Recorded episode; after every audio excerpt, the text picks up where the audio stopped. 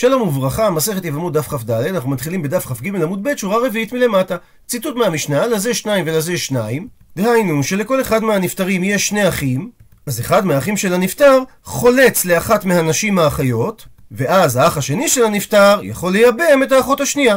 ושואלת על כך הגמרא, הטו, למה לי? היינו אח. הרי כבר שמענו את הדין הזה ברישא של המשנה, שכאשר יש שני אחים לנפטר, אז אחד חולץ ואחד מייבם.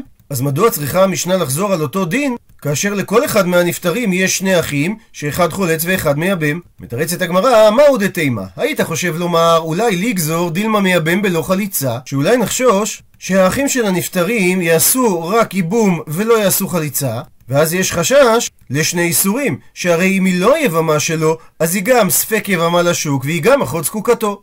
כי אם נאמר שמשה לפני שהוא נפטר קידש את חנה, ואהרון לא חלץ לה, אז כאשר אלעזר, האח השני, מייבם את אחותה של חנה, יש עליה שני איסורים, שהרי היא גם אחות של חנה, דהיינו היא אחות זקוקתו, והיא גם לא עברה חליצה על ידי האחים של שמעון.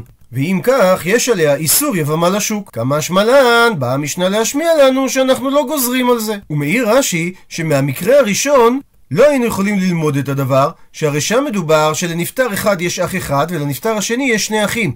אז סוף סוף, האח האחד לא יכול לייבם, אלא מייבם רק אח אחד מתוך שני האחים.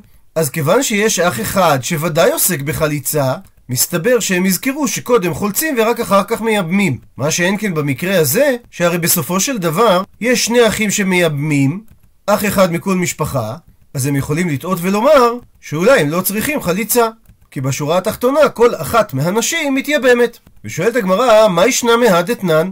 מדוע שונה הדין במשנה שלנו מהדין של המשנה בדף כ"ו, שמדברת על ארבעה אחים, ששניים מהם נשואים שתי אחיות ומתו הנשואים את האחיות, אז הדין הרי אלו חולצות ולא מתייבמות. ובשני דברים יש הבדל, שבסוף של המשנה כתוב שאם קדמו וכנסו יוציאו, לעומת המשנה שלנו שאומרת שאין מוציאים מידם. וההבדל השני, ששם נאמר שהן חולצות ולא מתייבמות, לעומת המשנה שלנו שאומרת שמתייבמות שתיהם כל אחת לאחר חליצת אחותה. ולמה במקרא שלנו לא אומרים שכולם יחלצו? מתרצת הגמרא, הכי אשתא? מה אתה משווה בין שני המקרים? הפכנו דף. שהרי הטעם, אי למאן דאמר יש זיקה, יש זיקה, ואי למאן דאמר אסור לבטל מצוות יבמין, אז אסור לבטל מצוות יבמין. דהיינו, יש שתי שיטות להסביר את המשנה שם. מאן דאמר אחד אומר, שהטעם שאין מתייבמת אפילו אחת מהם, משום שיש זיקה, וברגע ששתי אחיות נופלות לייבום, הרי על כל אחת יש איסור של אחות זקוקתו. ולמרות שחולצים לאחת מהם, עדיין זה לא מתיר את אחותה, שהרי כל יבמה שנאסרה שעה אחת על היבם שלה, אפילו לאחר נפילה, הרי היא כאשת אח שיש לה בנים ואסורה לעולם.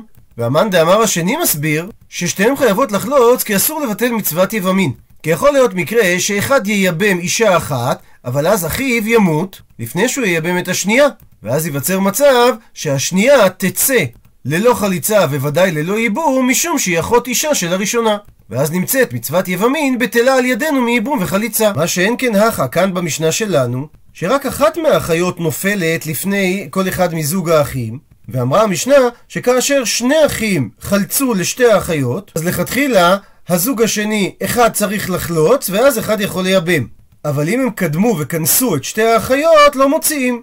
שהרי רק אחת מהאחיות היא זאת שהייתה נשואה לאחיהם המת, ורק היא נופלת לפניהם לייבום. ולכתחילה אמרה המשנה שאח אחד יחלוץ, ואז האח השני יכול להתחתן עם השנייה. אז כל אחד ואחד מהאחים, אימור, הוא יכול להגיד דידי קמתרמיא לי. שהוא כונס את היבמה, ובגלל שבסופו של דבר היבמה האמיתית אכן עוברת ייבום, הרי פוקע מאחותה איסור של אחות זקוקתו. ציטוט מהמשנה, קדמו וכנסו אין מוציאים וכולי, ועל כך תני שנה שילה, ואפילו שניהם כהנים. ואם כך, ודאי שאחד מהם מתחתן עם חלוצה. שהרי אחת מהם היא ארוסת הנוכרי, דהיינו לא מי שהיה אח שלהם, והיא עברה חליצה מאחד משני אחיו. כמו שאמרה המשנה, קדמו שניים וחלצו. ובכל זאת לא מוציאים מהם. מה היא טעמה? כי איסור חלוצה הוא איסור דה רבנני, ובספק חלוצה לא גזרו בהו רבנן. שהרי כאן לכל אחד מהכהנים אינה אלא ספק, כי שמא זה היא באמת יבימתו גמורה, והיא לא החלוצה מהמשפחה השנייה, לכן במקרה כזה לא גזרו רבנן שיוציא אותה מספק. ומקשה הגמרא, וחלוצה זה איסור דה רבנני? והתניא. והרי שנינו על הפסוק נקרא בפנים, אישה זונה וחללה לא ייקחו, ואישה גרושה מאישה לא ייקחו, כי קדוש הוא לאלוהיו. והפסוק אמנם ציין גרושה, אין לי אלא גרושה, חלוצה מניין שהיא גם אסורה, תלמוד לומר ואישה. שהאות ו' מוסיפה איסור חלוצה על כהן, ואם כך זה דאורייתא ולא דרבנן. מתרצת הגמרא שאיסור חלוצה על כהן זה איסור מדרבנן הוא, וקרא אסמכתא בעלמא הוא. דהיינו שזה רק נרמז בפסוק, אבל תוקף האיסור הוא דרבנן ולא דאורייתא. ואומרת המשנה, מצווה בגדול לייבם, ובכל זאת, ואם קדן הקטן, זכה. ומביא הגמרא רבנן, שנו רבותינו על הפסוק נקרא בפנים, והיה הבכור אשר תלד יקום על שם אחיו המת, ולא ימחה שמו מישראל. ומזה שכתוב והיה הבכור, מכאן שמצווה בגדול לייבם. ומזה שכתוב אשר תלד, פרט לאיילונית שאין יולדת. ומזה שכתוב יקום על שם אחיו, זה לנחלה. דהיינו, שהיבם יקום על שם אחיו כדי לנחול את נחלתו, ולא יחלקו את נחלת המת לאחיו. ושואלת הברייתא, אתה אומר שיקום על שם אחיו זה לנחלה, או אינו אלא לשם? והכוונה שיקראו לילד שייוולד על שם האח הנפטר. שאם היו קוראים לנפטר יוסף, אז קוראים אותו יוסף, ואם היו קוראים לנפטר יוחנן, קוראים אותו שייוולד יוחנן. אומרת הברייתא, נאמר כאן את המילה יקום על שם אחיו, ונאמר להלן, בברכת יעקב לבניו של יוסף, נקרא בפנים, ומולדתך אשר הולדת אחריהם לך יהיו, על שם אחיהם יקראו בנחלתם. אז גם שם נקטה התורה את הביטוי על שם אחיהם יקראו, ושם כתוב מפורש שזה בנחלתם. אז מה שם האמור להלן הוא מדבר על נחלה, אף שם האמור כאן לנחלה. חוזרת הגמרא לדרוש את המשך הפסוק, ולא ימחה שמו, ממילא זה פרט לסריס, ששמו מחוי. כי אין לו המשך בעולם. עד כאן לשון הברייתא, ועל כך אמר רבא, אף על גב דבכל התורה כולה, יש כלל שאומר, אין מקרא יוצא מידי פשוטו, שאף על גב שאנחנו דורשים פסוק לדרשה, אנחנו לא עוקרים את פשט הפסוק לגמרי. אבל הכה, כאן בפסוק לעניין ייבום, עתי גזרה שווה, הפיקטי מפשטי לגמרי. שעל ידי הגזרה שווה, אכן הוצאנו את פשט הפסוק לגמרי, כי אין שום ציווי לקרות לבן שייוולד בשם אחיו המת. ואומר רש"י שרבא למד את הדבר הזה במסורת מהרב שלו.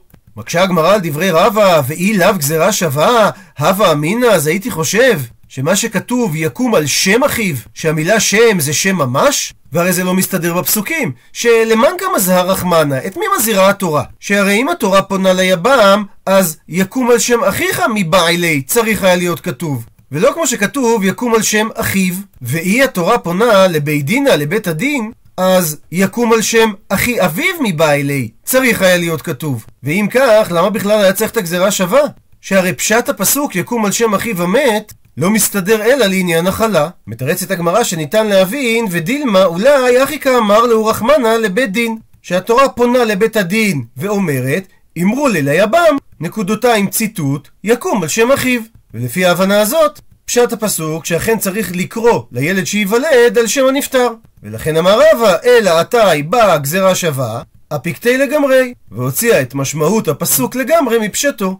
ושואלת הגמרא, השתא דאמרת, עכשיו שהסברת, קרא בגדול כתיב, שכאשר הפסוק אומר והיה הבכור, הוא מתייחס לגדול שבאחיו של הנפטר, אימה, אז אולי תאמר שבכור יש עליו מצווה לייבם, אבל פשוט שהוא לא בכור, לא לייבם. שהתורה נקטה בדווקא והיה הבכור, וממילא נבין שמי שהוא פשוט, דהיינו שהוא לא הבכור, אסור לו לייבם בכלל, וזה לא משנה אם הבכור חי או לא. דוחה הגמרא שאם כן, אשת אחיו שלא היה בעולמו דמיית רחמנה, למה לי? שאם היינו אומרים שפשוט הוא לא בר ייבום, אז למה צריך את המיעוט שלמדנו לגבי אשת אחיו שלא היה בעולמו, שאסור לו לייבם? שהרי היינו יכולים ללמוד את זה שהרי הוא לא בכור, כי הוא נולד לאחר מיתת אחיו. אלא מזה שמיעטה התורה את אשת אחיו שלא היה בעולמו, זה ודאי אומר שפשוט, דהיינו שהוא לא האח הבכור, יכול לייבם. מקשה על התירוץ הזה פריך רב אחא, ואימא, ואולי תאמר שאכן רק בכור מייבם, ומה שמיעטה התורה אשת אחיו שלא היה בעולמו, זה בא כדי למעוטי בוכרא דאימא. כגון שזה שנולד הוא בכור לאמו, ולכן היינו חושבים שיכול לייבם, ולצורך כך הגיע המיעוט של אשת אחיו שלא היה בעולמו, כך שעדיין נישאר עם ההגדרה שבכור מייבם אבל פשוט לא מייבם. מתרצת הגמרא, ההוא לא מצית אמרת, אתה לא יכול לומר שבכור לאימא מייבם, שהרי דייבום בנחלת על הרחמנה, ונחלה זה הרי רק מן האב ולא מן האם. אז ודאי שהתורה לא צריכה למעט בכור מן האם, ובהכרח מזה שהתורה מיעטה את אשת אחיו שלא היה בעולמו, זה אומר שהבכור שכתוב בפסוק זה לא בהכרח האח הכי גדול שנולד ראשון, אלא גדול האחים כרגע. ממשיכה הגמרא ומקשה, ואימה, ואולי תאמר, כי איכא בכור תתקיים מצוות ייבום, כי לקא בכור לא תתקיים מצוות ייבום. כלומר, אולי נסביר שבכור זה באמת בכור בדווקא. ובאה התורה לומר שאם בכור האחים קיים, תתקיים מצוות ייבום, או בבכור או באח אחר, ולכן היה צריך למעט את אשת אחיו שלא היה בעולמו, אבל אם בכור האחים לא בחיים, אז לא תתקיים בכלל מצוות ייבום, וממילא אשת הנפטר פטורה לגמרי מהאחים האחרים. מתרצת הגמרא, אמר קרא, הרי כתוב בפסוק, ומת אחד מהם. מי לא עסקינן, האם לא ניתן להבין, דמת בכור, ואמר רחמנה, ליבם קטן. שהרי ניתן להעמיד בפסוק, שהיו סך הכל שני אחים ומת אחד מהם, וייתכן שמת הבכור, ואמרה התורה שייבם האח השני. ממשיכה הגמרא ומקשה, ואימה, ואולי נדחוק את הפסוק ונאמר, דמת קטן, ואמר רחמנה ליבם בכור. ולפי זה עדיין נוכל להסביר שאם אין בכור לא תתקיים מצוות ייבום. מתרצת הגמרא, המי את רחמנה אשת אחיו שלא היה בעולמו. שהרי המיעוט של אשת אחיו שלא היה בעולמו נאמר לגבי שני אחים, בוודאי שמהם מת הגדול, שהרי רק אחר כך נולד האח. וממילא חייבים להסביר שבכור זה גדול האחים. ממשיכה הגמרא ומקשה ואימה ואולי נאמר כי לקה בכור אז אם קדם קטן זכה. אבל ואי איכא בכור אם כן יש בכור אז במקרה כזה, אם קדם הקטן, לא זכה. שהרי אמרנו שמזה שמעטה התורה אשת אחיו שלא היה בעולמו, משמע שמת הבכור, ובמקרה כזה אמרה התורה שיכול לייבם הפשוט. כך שניתן לומר שאם הבכור קיים, הפשוט לא יכול לייבם. מתרצת הגמרא אמר קרא, כתוב בפסוק כי ישבו אחים יחדיו. הוקשה ישיבת אחים זה לזה, שכל האחים שווים לעניין ייבום. ממשיכה הגמרא ומקשה, ואימא, ואולי תאמר, כי איכא בכור ליהדר אגדול, מסביר רש"י שאם לא רוצים שאר האחים לייבם, אז נחזור אל האח הבכור, לכופו, ולחייב אותו לייבם, כי המצווה מוטלת עליו ולא על האחרים. אבל במקרה כי ליכא בכור, שאין בכור קיים, אז אולי אין חוזרים אצל גדול, שגדול האחים שהוא לא הבכור, לא מוטלת עליו מצווה יותר משאר אחיו. אבל אם כך, אה, למה תני אביי קשישה? את הברייתא הבאה שאומרת, מצווה בגדול לייבם, ואם הוא לא רצה, הולכים אצל אחיו הקטן. ואם הקטן לא רצה, חוזרים אצל גדול. הוא מסביר רש"י, שמזה שהברייתא אמרה הולכים אצל אחיו הקטן, משמע שהוא קטן ביחס אליו, אבל אולי הוא גדול משאר אחיו. אז מכאן ניתן להסיק שהמצווה כן מוטלת על האח שהוא יותר גדול מאחים אחרים. ומדוע לא למדה הברייתא כמו שהציעה הגמרא, שרק במקרה שיש בכור, מוטלת המצווה על גדול האחים, אבל על שאר האחים היא מוטלת בשווה. מתרצת הגמרא שדין גדול האחים זה כבכור. מה בכור בכורתו גרמה לו? אף גדול האחים גדולתו גרמה לו. כי המכנה המשותף שהם יותר גדולים משאר האחים. ממשיכה הגמרא להקשות ואימה, ואולי תאמר שרק כי מייבם בכור אז לשקול נחלה. אבל כי מייבם פשוט אולי לא לשקול נחלה, כי נפרש בכור כפשוטו, ולכן רק בכור שמייבם זוכה בנחלת הנפטר. דוחה הגמרא, אמר קרא, יקום על שם אחיו. ובמבחן התוצאה, גם אם לא מדובר שייבם דווקא אח הבכור, והרי קם. ולכן גם אח פשוט זוכה בנחלה. אז למרות כל הניסיונות של הגמרא, לא מצאנו דין שקיים בבכור שלא קיים בשאר האחים. אז אם כך, ואל הבכור דקריא רחמנה, הפכנו דף היא הלכתה. זה שהתורה קראה ליבם בשם בכור, איזה הלכה זה בא ללמד? עונה הגמרא שזה בא לגריעותא. דהיינו למעט את כוח היבם בנחלת המת באופן הבא. מה בכור אינו נוטל בראוי כבמוחזק, אף היי היבם אינו נוטל בראוי כבמוחזק. שיש דין שבכור אמנם מקבל פי שניים משאר האחים, אבל זה רק במה שמוחזק ביד אביהם ביום מותו. דכתיב בכל אשר יימצא לו, אבל בכור לא נוטל פי שניים בנחלה שתבוא להם אחרי מיתת אביהם. אז הסיבה שהתורה קראה ליבם בכור כדי ללמד שגם היבם שנוטל פי שניים בנכסי אביו, שהרי הוא מקבל גם את חלקו וגם את חלק אחיו שנפטר, הדון שלו הוא כמו הבכור, שהוא לא נוטל בראוי כבמוחזק, אלא הוא נוטל פי שניים רק במוחזק בפועל. ואומרת המשנה, הנטען על השפחה ונשתחררה, או על העובדת כוכבים ונתגיירה, והנטען הכוונה שהוא חשוד, כלומר טוענים עליו דברי לעז, שהוא חטא איתם, הרי זה לא יכנוס, שלא יתחתן איתם משום לעז, שלא יאמרו שאמת היה השמועה שיצאה עליו. ובכל זאת, ואם הוא כנס, אין מוציאין מידו. לעומת זאת, הנטען על אשת איש, והוציאוה בית דין מתחת ידו של בעלה בגלל האדם הזה שאסרה עליו, אז אף על פי שהוא הלך שכנס אותה, הדין שיוציא, שהרי מדאורייתא היא אסורה גם לבועל. שדורשים את מה שכתוב ונטמעה ונטמעה שני פעמים, שזה בא לאסור אחד לבעל ואחד לבועל. ומדייקת הגמרא, שאף על גב שאותה גויה לא נתגיירה לשם יהדות, אלא רק בשביל שיישאנה זה, הגיורת מי.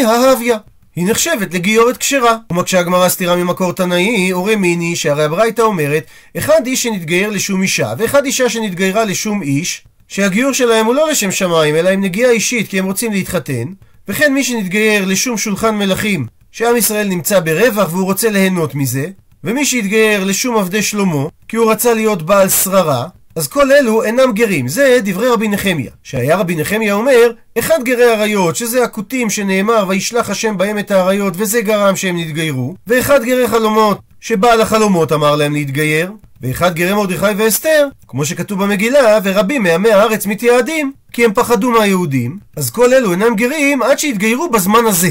ושואלת הגמרא, בזמן הזה סלקא דעתך? האם יעלה על דעתך שגרים יכולים להתגייר רק בזמן הזה? וכל הגרים שהיו לפני הזמן הזה הם לא גרים? והרי הגמרא בגיטין אומרת שנבוזרדן, שהיה הרמטכ"ל של נבוכדנצר מלך בבל, היה גר צדק, אלא אימה כבזמן הזה, שמקבלים גרים אם כוונתם טהורה להתגייר, ולא מחמת טעמים אחרים, כמו למשל שררה. ואם כך קשה, איך אמרה המשנה שהגיור של עובדת הכוכבים הוא גיור טוב, והלא התגיירה כדי שאותו אחד יישא אותה לאישה. מתרצת הגמרא האיתמר עלה, הרי כבר נאמר על הברייתא הזאת, אמר רבי יצחק בר שמואל במרתא, משמי דרב, שהלכה כדברי האומר, כולם גרים מהם ולא כדברי רבי נחמיה. וכך גם סובר התנא של המשנה. מה כשהגמרא היא הכי, אם כך, אז לכתחילה נמי, שיהיה מותר לו להתחתן עם הגיורת לכתחילה, ומדוע אמרה המשנה שלכתחילה לא יכנוס. מתרצת הגמרא משום דרב אסי, דאמר רב אסי, כתוב בספר משלי, הסר ממך עיקשות פה ולזות שפתיים מרחק ממכה. וזה הטעם במשנה. מדוע לא יכנוס את הגיורת לכתחילה? כי זה יגרום לאנשים לחשוד שהשמועה שיצאה עליו נכונה. הוא מביא הגמרא תנו רבנן שנו רבותינו בברייתא אין מקבלים גרים לימות המשיח שכיוצא בו לא קיבלו גרים לא בימי דוד ולא בימי שלמה כי החשד שהם באים להתגייר בגלל המצב הטוב שעם ישראל נמצא בו ועל כך אמר רבי אלעזר מה יקרא? מה הפסוק שמלמד את זה? שנאמר בספר ישעיהו, הן גור יגור אפס מאותי, מי גר איתך עלייך יפול. הוא מסביר רש"י, הן גור הבא להתגייר, הוא יגור אפס מאותי. דהיינו, בעוד שאין אני עמכם, הוא יתגייר, דהיינו בזמן הזה. שמי שגר איתך, עלייך יפול. מי שגר איתך בעניותך, כאשר אמרת, הוא זה שעלייך יפול לעולם הבא. אבל אידך לא.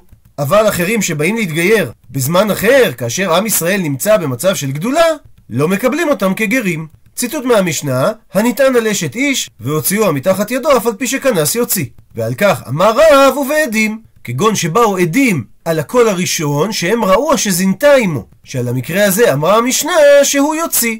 אמר על כך רב ששת, אמינא נראה לי לומר, קיניים ושכיב רב אמר להי שמעתתא. לא יכול להיות שרב אמר את זה, כנראה שאם הוא אמר את זה, זה היה כאשר הוא ישן. שהרי דתניא, שנינו בברייתא, הניתן על אשת איש והוציאוה על ידו ונתגרשה מתחת ידי אחר, הוא מסביר רש"י את המציאות, ראובן נטען שהוא זינה עם דינה אשת שמעון, וגרשה שמעון, ונשאה אדם אחר שנקרא נחשון, ואז גירש אותה נחשון, ועל המקרה הזה אמרה הברייתא, שאם כנס ראובן את דינה, לא יוציא. הוא מדייק רב ששת, איך ידמי, איך מדובר בברייתא?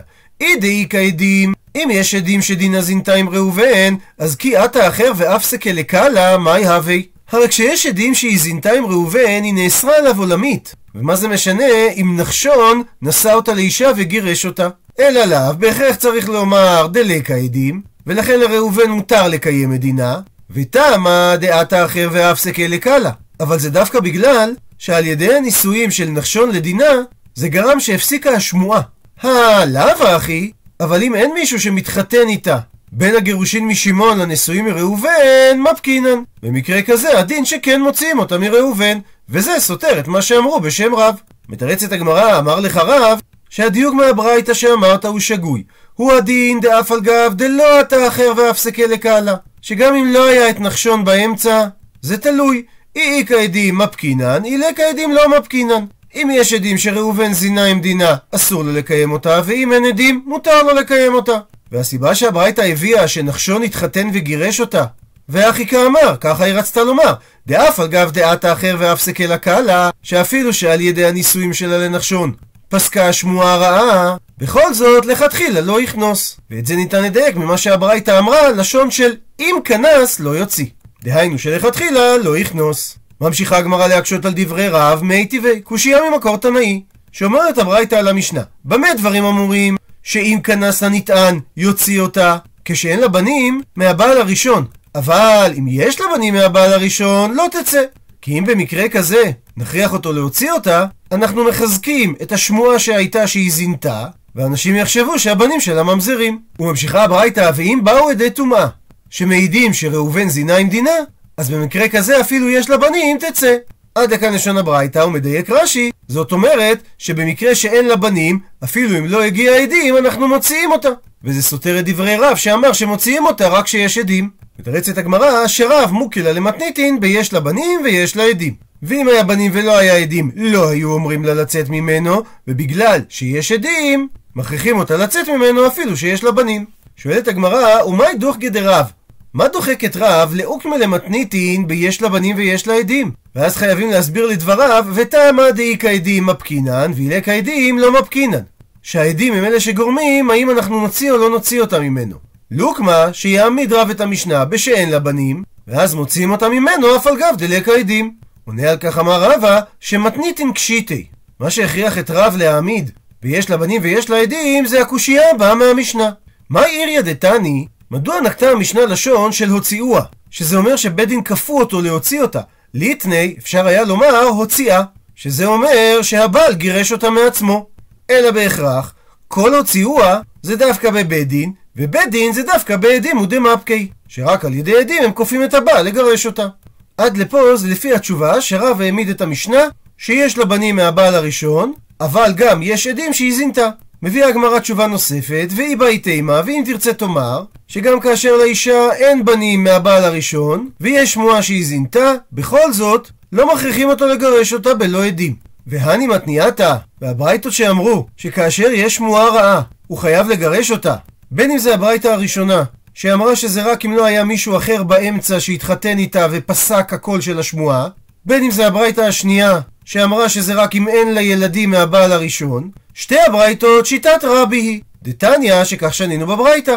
אם אדם ראה שרוכל יוצא מתוך ביתו ואישה חוגרת בסינר, ויש פה ראייה נסיבתית לדבר מכוער שהתרחש בין הרוכל לאשתו, שכנראה היא לא התירה את הסינר מעליה אלא לזנות. וסינר זה כאין מכנסיים שהיו אנשים חוגרות לצניעות. אז על כך אמר רבי, הואיל ומכוער הדבר, תצא.